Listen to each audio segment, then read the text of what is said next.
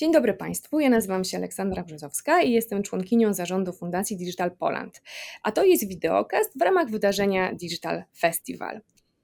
Jak co roku nasza fundacja bada technologiczne nastroje Polaków e, na łamach raportu Technologia w służbie społeczeństwu, czy Polacy zostaną społeczeństwem 5.0. I my właśnie sprawdzamy, jaka jest wiedza, jakie jest nastawienie, jaka jest akceptacja i zaufanie do nowych technologii. A w tym roku wyjątkowo e, Edycja tego raportu została poszerzona o badanie dotyczące sztucznej inteligencji i stosunku Polaków do tej sztucznej inteligencji właśnie. O tym będziemy dzisiaj rozmawiać z moimi gośćmi, e, a w studiu ze mną jest Agnieszka Jankowska i Michał Choiński z T-Mobile Polska. Cześć. Cześć, dzień dobry. Cześć, dzień dobry, dzięki za zaproszenie. I dzisiaj porozmawiamy sobie o jednym z głównych e, wniosków tego badania, a mianowicie o akceptacji, a w zasadzie nawet będziemy mówić o tym trochę szerzej, bo o takim emocjonalnym stosunku do, e, do sztucznej inteligencji i postawie właśnie Polaków do zmian, które zachodzą w naszym świecie, technologicznych zmian, które właśnie e, wpływają na nich bezpośrednio. I tu od razu wstępnie podzielę się takim ogromnym zaskoczeniem e, z lektury raportu. E, okazuje się bowiem, że Polacy są e, pozytywnym narodem i również wykazują pozytywny stosunek do sztucznej inteligencji, bowiem uwaga, tolerancja i akceptacja to są wyniki kolejno 41%. Tyle osób wykazuje tą tolerancję do sztucznej inteligencji, natomiast akceptuje ją 34%. Dominuje też zaciekawienie, 40%, a neutralny stosunek ma 27%. E, natomiast strach i niechęć to tylko 13%, więc wydawałoby się, że zdecydowanie te pozytywne e, uczucia tutaj dominują. A wy powiedzcie, co myślicie o sztucznej inteligencji? Dla mnie to jest szansa i możliwości dla mnie też również szansa e, dla rozwoju całej ludzkości. Ja jestem osobiście fascynatem tego trendu i jest mi bardzo miło, że mogę doświadczać, uczestniczyć w tym, e, w takim wydarzeniu i być częścią, e, być obecnym przy rozwoju takiej technologii. No właśnie, to powiedzcie proszę, czym według Was jest w ogóle akceptacja? Co ona oznacza? Jakie czynniki są ważne, aby akceptację do sztucznej inteligencji zwiększyć? Dla mnie akceptacja sztucznej inteligencji to jest właśnie taka jakby gotowość ludzi do korzystania z technologii, które się opierają właśnie na sztucznej inteligencji, takie pozytywne nastawienie e, do wykorzystywania tej technologii, czy to w pracy, czy to właśnie w edukacji, takim życiu codziennym, zdrowiu czy e, rozrywce. Zatem, jeżeli mamy te pozytywne emocje i pozytywne doświadczenia, no to wykazujemy właśnie taką większą akceptację. Osoby, które lepiej rozumieją, jak działa sztuczna inteligencja, jakie może przynosić korzyści, e, będą po prostu w większym stopniu e, akceptowały e, tę sztuczną inteligencję. No i tak jak Olu powiedziałaś na samym początku, Polacy bardzo pozytywnie są nastawieni do sztucznej inteligencji. Patrzymy na te dane z naszego raportu. Trzy osoby na cztery rzeczywiście mają taki duży, e, pozytywny e, stosunek emocjonalny do wykorzystywania sztucznej inteligencji w życiu codziennym a nawet jedna osoba na dziesięć e, zdecydowanie popiera tę sztuczną inteligencję. Także jesteśmy bardziej za niż przeciw, chociaż też z tych naszych badań jasno wynika, że jest no powiedzmy niewystarczający stopień wiedzy na temat sztucznej inteligencji i trochę tak boimy się, trochę się boimy, że może te dane, które gdzieś tam przekazujemy, one nie będą właściwie wykorzystane, że może nie wiemy, kto z nich korzysta, no aczkolwiek zdecydowanie doceniamy, że sztuczna inteligencja nam pomaga, wiele osób o tym wie, korzysta, czuje z tego, blisko połowa Polaków uważa, że AI ułatwia nam życie. Myślę, że też e, to, te, te wyniki badania trochę wpisują się w taki szerszy trend tego, jak kształtuje się e, społeczeństwo polskie w kontekście technologii i jak, jak rozwija się nasza gospodarka. Ja od dłuższego czasu obserwuję bardzo pozytywne emocje, bardzo duże zaangażowanie Polaków e, we wszelkiego rodzaju nowe trendy technologiczne, w taką szeroko rozumianą transformację cyfrową, w adaptację narzędzi, które które wykorzystują właśnie technologię i, i przestrzeń internetową. bardzo dużo na tym skorzystaliśmy. Mamy bardzo pozytywne doświadczenia, jak to wpływa na rozwój naszego kraju, na naszą sytuację indywidualną, bytową i gospodarczą. Myślę, że w wielu branżach jesteśmy, e, jesteśmy postrzegani jako kraj, w który naprawdę jest wiodący, jeśli chodzi o wykorzystanie narzędzi cyfrowych, o technologii. Jesteśmy też bardzo już silnym światowym, myślę, jeśli chodzi o kompetencje centrum e, technologicznym, świadczenia usług technologicznych, IT. Dużo firm otwiera u nas bardzo, bardzo e, pokaźne zakłady i korzysta z naszych kompetencji w tym zakresie. Wpisuje się to wpisuje się to w taki szerszy trend. Myślę, że sztuczna inteligencja jest, pada na podatny grunt w narodzie, w kraju, w którym, który, który ma bardzo pozytywne doświadczenia i myślę, że możemy być też również tutaj liderem, jeśli chodzi o wykorzystanie tych narzędzi, o budowanie wiedzy i eksperymentowanie z tą technologią. No właśnie, bo tak aż mnie korci, żeby skomentować, że w zasadzie e, dopiero pojawienie się e, czatu GPT jakby spowodowało, że ta sztuczna inteligencja gdzieś trochę zeszła e, z tych takich, czy, czy, czy, czy dużych firm technologicznych, czy w ogóle firm z, z biznesu, z obszarów akademickich, trochę tak na podwórko. Także każdy o tym mówi, każdy próbuje, każdy testuje, no ale z, z drugiej strony mamy bardzo wiele przykładów, że to nie jest pierwszy pierwszy moment też pojawienia się sztucznej inteligencji, że ona jest z nami od lat. Więc e, też nawiązując do tego, co, co mówiła Agnieszka, ale też co mówiłeś też e, Michał o tym, jak e, bardzo my zaczynamy być rozpoznawani jako kraj na tej arenie międzynarodowej w kontekście rozwoju w ogóle nowych technologii, ale czy społeczeństwo jest przygotowane do tego, żeby zaadaptować właśnie te zmiany technologiczne, no i sztuczną inteligencję właśnie. No, według mnie zdecydowanie tak, dlatego że Polacy y, to jest bardzo otwarty naród na e, nowości. E, my mamy tego takiego ducha przedsiębiorczości, e, szczycimy się tym, że mamy bardzo dużo właśnie przedsiębiorstw małych, średnich i mikroprzedsiębiorstw. Mamy taką chęć eksplorowania, eksperymentowania. No ale z drugiej strony brakuje nam takiej e, konkretnej e, wiedzy, więc jakby potencjał olbrzymi jest i, i możliwości są.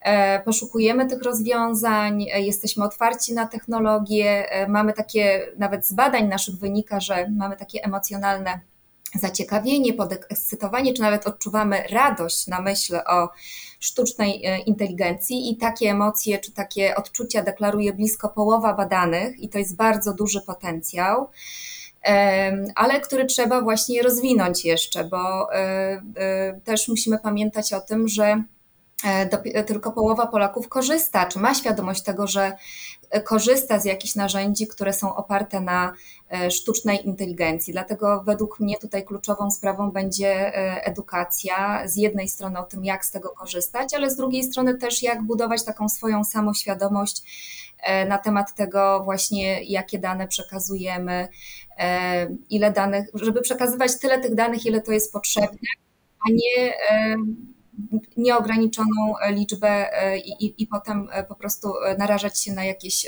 konsekwencje. No i też warto tutaj powiedzieć, że mm, z naszych badań wynika, że 88% Polaków w ogóle zetknęło się z nazwą sztuczna inteligencja i to jest to, o czym Ty powiedziałaś też, Olu, że, że chat GPT, ale też mamy wiele reklam w mediach, różne też programy.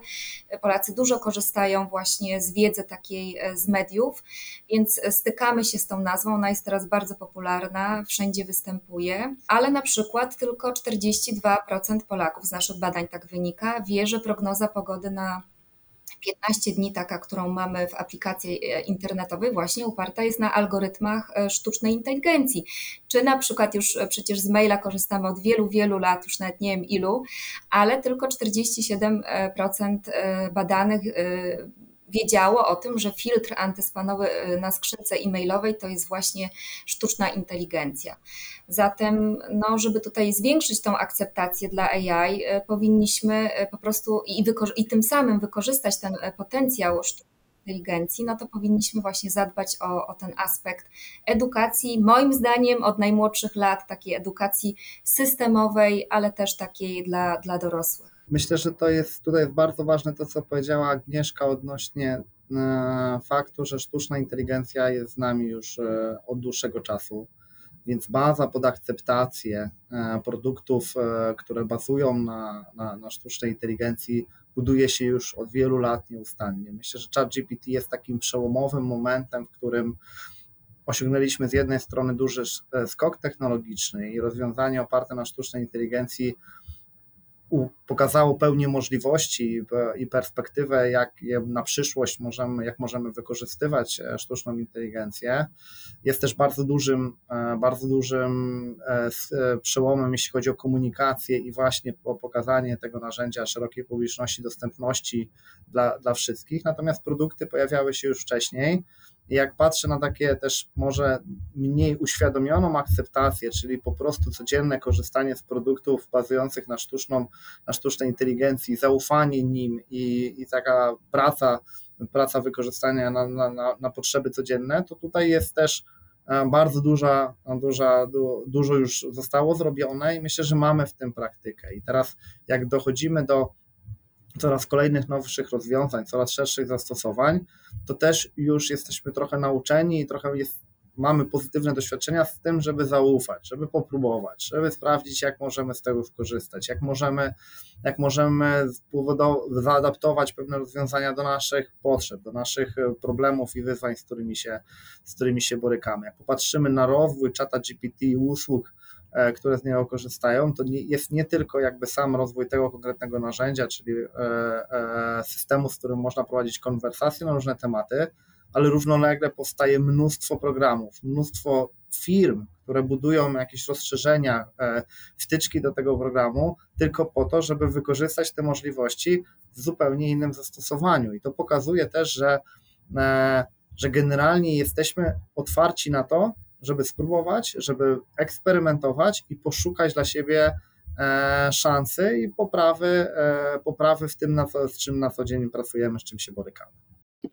No, no właśnie, bo też jak, jak, słucham e, Ciebie, Michale, wcześniej Agnieszki, to też ja mam takie wrażenie, że taka konkluzja się nasuwa, że nie ma e, co iść w tę, w tę narrację, że sztuczna inteligencja to jest jakiś terminator z, światów, który przyjedzie i opanuje tutaj nasz świat, że jednak e, e, ta edukacja, o której mówiła Agnieszka, jest na tyle kluczowa, żeby zrozumieć, że też takim trochę odpowiedzią na, na tą sztuczną inteligencję jest ta ludzka inteligencja i to, że e, sztuczna inteligencja jest w pewnym sensie dla nas narzędziem e, i chodzi o to, żeby to właśnie uregulować, to co powiedziałeś też Michale, żeby to w jakimś jakiś sposób, żeby to miało jakieś ramy, żeby ludzie się też czuli bezpiecznie, ale też żeby przede wszystkim rozumieć, e, czym ta sztuczna inteligencja jest, w jaki sposób ona działa, żeby oswajać się z tym i, docelowo również no, zwiększać tą akceptację. A jak myślicie, czy jest coś, czego na przykład społeczeństwu w tym momencie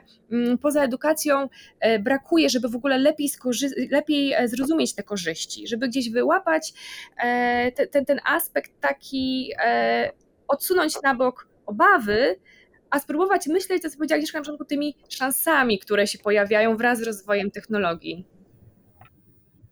Ja bym powiedział, że mm, może nie poza edukacją, czego brakuje, tylko może bardziej pewnych wymiarów edukacji. To znaczy, to co ja obserwuję, to jest z jednej strony mamy bardzo dużo opracowań branżowych, bardzo takich szczegółowych e, e, spojrzeń na to, jak te narzędzia działają. I to jest często e, język bardzo, bardzo trudny we przyswojeniu opracowania, bardzo e, skierowany do takich osób trochę żyjących w bankie, zajmujących się na co dzień, e, zajmujących się na co dzień technologią. Z drugiej strony mam oczywiście ten wymiar praktyczny, edukacyjny, czyli korzystamy z narzędzi, dowiadujemy się, że pod spodem narzędzia są zbudowane na sztucznej inteligencji, więc uczymy się przez, przez doświadczanie. Natomiast e, mi się wydaje, że cały czas można popracować nad tym pośrednim gdzieś tam strumieniem edukacji, czyli w jak prosty sposób e, mówić o sztucznej inteligencji, czym ona faktycznie jest, czym się charakteryzuje, jakie można mieć wobec niej oczekiwania, jakie, e, jakie nie, jakich nie można mieć. Tutaj nawiązuje trochę do tej sztucznej inteligencji popkulturowej, która pokazywała sztuczną inteligencję jako byt świadomy, równy człowiekowi, który prowadzi gdzieś tam konkurencję czy, czy taką narrację z człowiekiem, no tym sztuczna inteligencja nie jest. I, i tutaj warto, warto popracować nad tym, żeby rzeczywiście ta edukacja też się pojawiła w bardziej przystępny sposób do osób, które będą potencjalnie korzystać z tych produktów, po to, żeby w cudzysłowie rozbroić pewne mity, żeby pokazać, jakby też przygotować e, do lepszego skorzystania z tych, z tych narzędzi, też do bezpieczniejszego korzystania. O tym Agnieszka mówiła, że jest tam taki element tego, że jak każda nowa technologia niesie ze sobą pewne zagrożenia, więc to też jest bardzo ważny element, ale zależy, zależy mi na tym, żeby to był taki element edukacji, który jest przyswajalny. Czyli nie trzeba zbyt dużo wysiłku e, przygotowawczego wykonać, żeby w ogóle e, zrozumieć technologię, a potem móc rozmawiać o sztucznej inteligencji. Powinna to być e, informacja, która jest przyswajalna bez tego, bez tej bariery wejścia i to, to myślę, że tutaj mamy dużo do zrobienia. Mhm. No też e, poza tym musimy pamiętać, że e, sztuczna inteligencja jest sztuczna i to nie jest inteligencja, jaką wykazują e, ludzie i, i po prostu my bardzo często lubimy jakby tak personifikować różnego rodzaju rzeczy i na przykład w tym przypadku właśnie sztuczną inteligencję to szczególnie właśnie w tym show biznesie, czy właśnie takiej rozrywce jest to e, w szczególności widoczne i już dawno nawet takie filmy jak Star Wars miały właśnie przecież robocika R2D2, do którego mamy bardzo dużo pozytywnych uczuć i odwrotnie, jakieś e, filmy, które przedstawiają, że tu maszyny nagle zawładną światem, tak się, tak się nigdy nie stanie i z takimi mitami powinniśmy e, walczyć już od najmłodszych właśnie lat, pokazując, że sztuczna inteligencja to jest wytwór człowieka, który ma służyć człowiekowi, który ma rozwiązywać jakieś problemy, które są na tyle czasochłonne, trudne, które po prostu nam będą e, na co dzień upraszczać to życie w różnych, w różnych e, jego dziedzinach. E, I, i, po prostu korzystać z tego. Także nie wiem, czego nam brakuje. Tak naprawdę niewiele nam brakuje, bo ta otwartość jest, to pozytywne nastawienie jest. Natomiast z naszych badań, z naszego raportu wyraźnie widać, że brakuje takiej twardej wiedzy, bo nawet jak patrzymy na mm, tą część badania, która mówi o korzyściach i ryzykach związanych z rozwojem systemów sztucznej inteligencji, no to okazuje się, że jesteśmy mniej więcej podzieleni na takie trzy grupy. Mniej więcej jedna czwarta badanych widzi więcej korzyści niż ryzyk, i tak samo Około 1 czwarta uważa, że e, e, badanych, że więcej jest ryzyk niż korzyści, a mniej więcej 35% e, badanych twierdzi, że tak jest mniej więcej pół na pół. I to, co mnie też zaskakuje i właśnie skłania mnie do tej konkluzji, że takim kluczem do sukcesu, korzyści, szansy, rozwoju, szansy dla Polski, dla Polaków. Jest e, właśnie ta edukacja, jest to, że w wielu pytaniach, e, i tutaj zachęcam Państwa do zajrzenia do, do, na stronę internetową Fundacji Digital Poland i zapoznania się ze wszystkimi wynikami naszego raportu, że w wielu pytaniach e, Polacy tak jakby nie mają zdania, czyli i naprawdę jest to duży odsetek, bo nawet do 50% badanych w niektórych przypadkach twierdzi, że no jakby ani tak, ani tak albo nie wiem. Więc to jest ten taki potencjał niewykorzystany, który y, i ten element, którego nam brakuje, żeby tak jakby objąć tą sztuczną inteligencję i zainspirować się, nauczyć się tego, zastanowić, jak to no, może nam pomóc w życiu codziennym, ale także jak możemy swoje biznesy rozwijać, bo ja uważam, że nawet w najbardziej tradycyjnych e, biznesach, małych biznesach, bo, bo w Polsce przede wszystkim mówimy o mikro i małych przedsiębiorstwach, jak je za, e, można je zaaplikować nawet, nie wiem, czy w cukierni, czy w piekarni, żeby optymalizować, żeby rzeczywiście dobrze wykorzystywać zasoby, żeby sobie prognozować, planować. Jakby jest milion różnych zastosowań, które, które moglibyśmy wdrożyć właśnie na poziomie naprawdę jednostki. No tylko musimy mieć tą, tą wiedzę i to przekonanie, o tym, że to jest ta szansa dla nas. Mhm.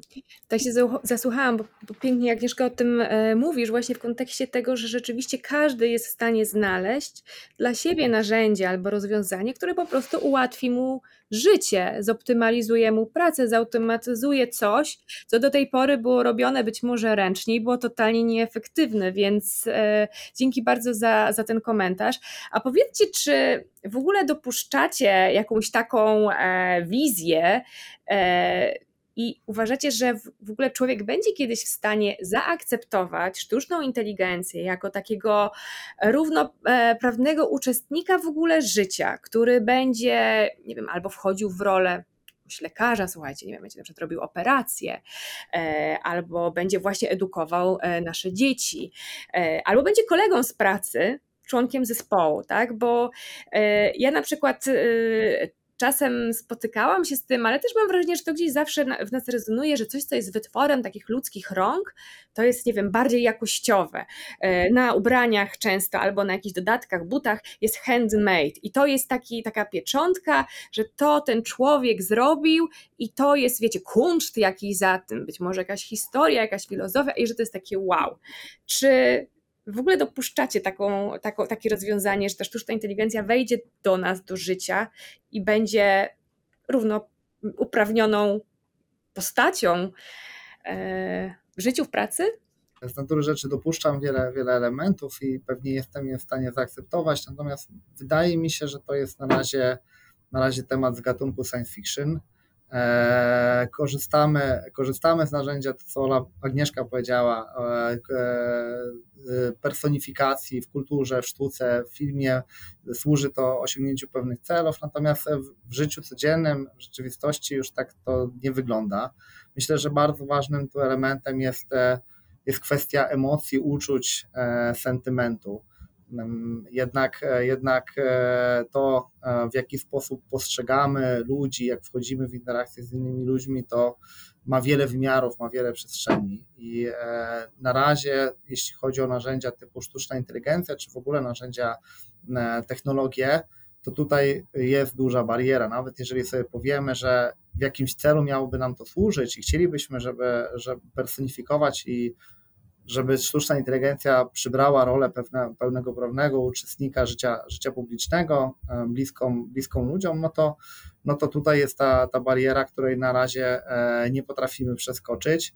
Nie wiem, czy też chcemy przeskoczyć. To jest też bardzo, bardzo ważny, ważny element. Możemy porozmawiać sobie z czatem e, GPT, popróbować poprowadzić tą konwersację jak z człowiekiem, i, i być może nawet to, to powoduje, że nam się lepiej ta konwersacja układa, jest nam bliższa temu, co, co, co, co mamy, co potrafimy zrobić rozmawiając pomiędzy, pomiędzy ludźmi, natomiast no nie nawiążemy relacji i e, nie, nie zbudujemy emocji e, wokół tego. Pojawiały się, to, to jest też ciekawe, pojawiały się takie filmy, które gdzieś tam mówiły o uczuciach, opowiadały o uczuciach pomiędzy człowiekiem a, a, a maszyną, ale to tak, e, to jest gdzieś tam bardzo, bardzo duże uproszczenie. Na razie, na razie bardziej bym się przyglądał możliwościom możliwością sztucznej inteligencji w kontekście narzędzia, asystenta człowieka, narzędzia, które pomaga e, przezwyciężyć lub usprawnić pewne elementy, e, które są trudne z natury ludzkiej. I tutaj wychodzi ta niezawodność, wychodzi możliwość przetwarzania danych w bardzo dużych ilościach, w bardzo krótkim czasie, kompletność informacji, kompletność działania, mniejsza ilość, statystycznie dużo mniejsza ilość błędów, Natomiast to jest, to jest charakterystyka pewnego narzędzia. tak jak sobie popatrzymy na, na zawód chirurga, lekarza, no to, to sztuczna inteligencja może być narzędziem, tak jak kiedyś, e, tak jak skalpel, czy, czy jak sala operacyjna, natomiast cały czas jest ten chirurg, jest ten człowiek, który z tego narzędzia korzysta. Też jest ten wymiar e, zagrożeń i też ten wymiar, e, wymiar zawsze problemów, które sztuczna inteligencja może spowodować pewnie sobie jeszcze o tym dogłębnie porozmawiamy, natomiast człowiek jest tą instancją, która zawsze może e, stosować pewien nadzór nad tym narzędziem i przeciwdziałać tym, tym problemom, konsekwencjom tych, e, tych, tych błędów, które sztuczna inteligencja może e, popełnić lub mitygować pewne ryzyka związane z charakterystyką tego narzędzia. Mhm. No, dla mnie, e, słuchajcie, to, to sztuczna inteligencja jako e, pomoc, e, może inspiracja, a nie koniecznie jako taki równoprawny partner. Aczkolwiek dla mnie, zwłaszcza myślę ten okres pandemii i po pandemii, kiedy też przyzwyczailiśmy się do pewnych rzeczy, które wcześniej nie, na przykład wizyta u lekarza, zawsze to była wizyta e, osobista, teraz e, mamy te wizyty online i się konsultujemy online. No nadal po drugiej stronie oczywiście jest człowiek, jest lekarz, ale muszę powiedzieć, że absolutnie wyobrażam sobie, E, to, że e, jakieś proste takie e, konsultacje na bazie danych, które są włożone do tej, do tej sztucznej inteligencji w jakimś tam zakresie, takie proste konsultacje mogłyby się odbywać właśnie z wykorzystaniem stricte sztucznej inteligencji. I ja myślę, że świat będzie zmierzał ku temu, czyli żeby właśnie takie proste, E, znaczy z jednej strony proste, e, proste rzeczy, czy konsultacje, czy w jakichś innych dziedzinach e, porady na bazie wielkiej liczby danych, czyli tak jak Michał tutaj wspomniał, gdzie ten błąd pomiaru jest znacznie mniejszy niż byśmy to robili samodzielnie. Jak najbardziej w tym kierunku będzie ten świat się rozwijał. Natomiast pełnoprawny taki uczestnik, a nawet w niektórych przypadkach niektórzy sądzą, że właśnie takie zagrożenie to raczej nie. Technologia ma służyć człowiekowi. E, człowiek ją tworzy po to, żeby nam ułatwiała życie, żeby nas rozwijała, żebyśmy e, czerpali z tego. I, i, i chyba na tym powinniśmy poprzestać. Natomiast e, wydaje mi się również, że takie otwarcie na to, żeby tej technologii opartej na sztucznej inteligencji, e, w takich interakcjach z ludźmi e, było więcej, no to też jest konieczne e, takie mm, uwzględnienie aspektów etycznych i też takiej transparencji. I tutaj też w naszym raporcie wyraźnie widać, że 40, ponad 40% Polaków chciałoby, aby właśnie był taki właściwy nadzór sprawowany nad e, systemami sztucznej inteligencji i, i, i konieczne w tym celu jest właśnie wprowadzanie nowych, e, nowych regulacji.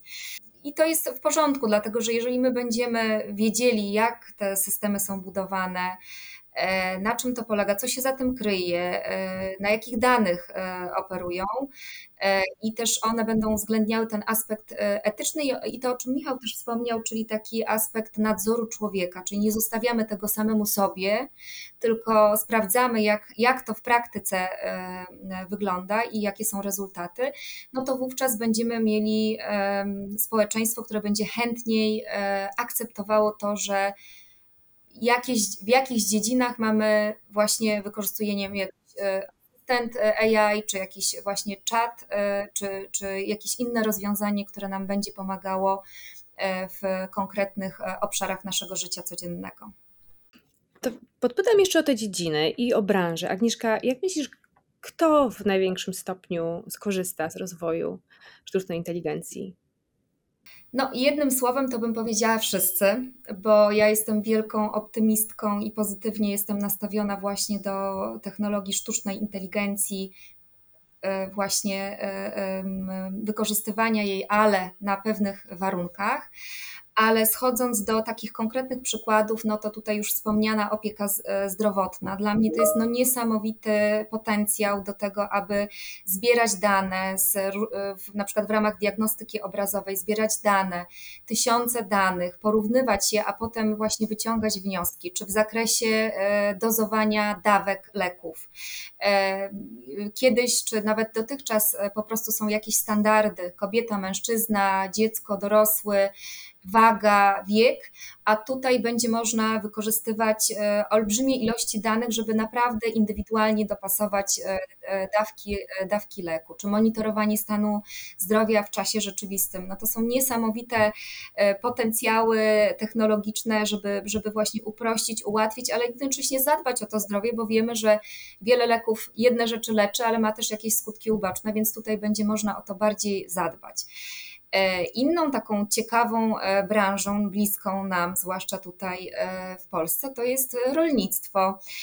I tutaj też jest olbrzymi potencjał na to, aby właśnie wykorzystywać sztuczną inteligencję do optymalizacji nawożenia roślin czy wykorzystywania wody. W naszym kraju tej wody brakuje, więc moglibyśmy też tutaj w dużym stopniu wykorzystywać sztuczną inteligencję, aby tę wodę oszczędzać, monitorowanie stanu no, zdrowia, że tak powiem, roślin czy właśnie zwierząt, czy zapobieganie różnego rodzaju chorobom i też prognozowanie, no bo tak jak mamy prognozowanie pogody, tak samo w różnych innych dziedzinach, nie tylko w rolnictwie, w reklamie, w sprzedaży, w transporcie możemy monitorować, monitorować co potencjalnie może się wydarzyć w przyszłości i odpowiednio sobie planować, robić ten biznesplan. E, no i wreszcie e, jest bardzo dużo, no ale jeszcze taki ważny obszar to jest ochrona środowiska, e, czyli to, co widzimy, zresztą w naszym badaniu. Widać, że Polacy bardziej obawiają się zmian środowiskowych niż właśnie sztucznej inteligencji i tego, że ona nam zabierze pracę albo w ogóle wyeliminuje człowieka z różnych dziedzin, to jednak bardziej boimy się właśnie tych zmian środowiskowych i tutaj sztuczna inteligencja absolutnie może pomóc i już pomaga zresztą e, w wspieraniu tej ochrony środowiska, na przykład monitorowania zanieczyszczeń, e, na przykład analizy i przewidywania zmian klimatycznych, czy właśnie projektowania strategii ochrony środowiska na danym terenie, w danym regionie przy określonych warunkach e, biorąc pod uwagę dane historyczne też i ucząc się, bo to jest właśnie ten olbrzymi potencjał, czyli to, że ta sztuczna inteligencja się uczy. I tutaj mogę dać taki przykład e, konkretny z naszej firmy, bo my mamy takie właśnie rozwiązanie e, monitorowania stanu e, zanieczyszczeń na Odrze. Więc to jest bardzo fajne rozwiązanie, które z jednej strony zbiera właśnie dane, czyli jest, opiera się na sztucznej inteligencji, z drugiej strony no oczywiście jest potrzebne to connectivity, czyli dobre połączenie, żeby, żeby móc zbierać te dane. No i miejmy nadzieję, że te rezultaty pomogą w w no, ratowaniu tej rzeki, która w zeszłym roku w dużym stopniu e, ucierpiała. Każdy aspekt, którego dotykasz, e, to jest coś, co jest tak bezpośrednio oddziałuje na nasze życie w zasadzie, od biznesu po środowisko, też przyszłość naszych e, dzieci e, i całych rodzin. A w takim razie, jak T-Mobile e, korzysta ze sztucznej inteligencji? Michał, czy ty podzielisz się? Dla, dla T-Mobile jest to bardzo ważny trend i oczywiście bardzo mocno się mu przyglądamy. Myślę, że tutaj jest kilka obszarów. Pierwszy obszar to jest taki, że jesteśmy firmą, firmą technologiczną, która, która bazuje na rozwiązaniach, e, na rozwiązaniach technologicznych, więc sporo produktów, które bazują na sztucznej inteligencji, już mamy na co dzień wykorzystywane. To są takie, zaczynając od produktów takiego bieżącej wspierania pracy biurowej, bo jesteśmy też dużą organizacją, więc, więc szukamy szukamy efektywności w naszej pracy w narzędziach, które nam pomagają lepiej e, i efektywniej e, pracować. Mamy bardzo dużo rozwiązań związanych z monitoringiem naszych produktów i, tego, co się w nich dzieje. E, świadczymy usługi dla bardzo dużej ilości klientów. To są usługi telekomunikacyjne, dostępności internetu. Mamy też bardzo dużo aplikacji, które nas w tym, w tym wspierają i e, sztuczna inteligencja pomaga nam to środowisko monitorować pod kątem tego, jak nasi klienci korzystają z naszych produktów, e, jak, czy te produkty działają, czy się coś dzieje niedobrego, czy musimy gdzieś zareagować.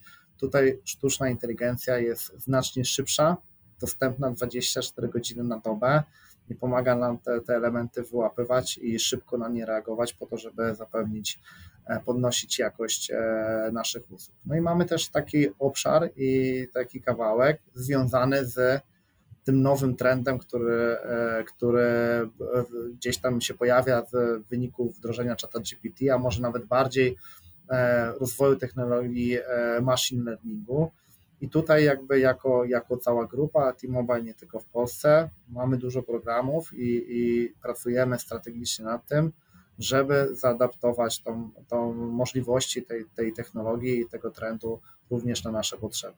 To jest oczywiście bardzo świeży temat i, i y, wymaga jeszcze opracowania, szczególnie z punktu widzenia zagrożeń, które, które te technologie ze sobą niosą, jeszcze pewnego ich e, wczesnego etapu rozwoju bo to co, to, co obserwujemy, jeśli chodzi o czata, czata GPT, cały czas jest eksperyment i cały czas e, e, nauka w toku, w której przy okazji której oczywiście pojawia się też dużo błędów. Natomiast my jako, jako e, organizacja, która chce się rozwijać technologicznie, która chce adaptować nowe technologie, bardzo mocno się temu przy, przyglądamy i pracujemy nad zespołami, które będą będą mogły wykorzystać tego typu rozwiązania, jeżeli one już nabiorą takiego kształtu i będziemy mieli dla nich zastosowania, które będą dla nas użyteczne.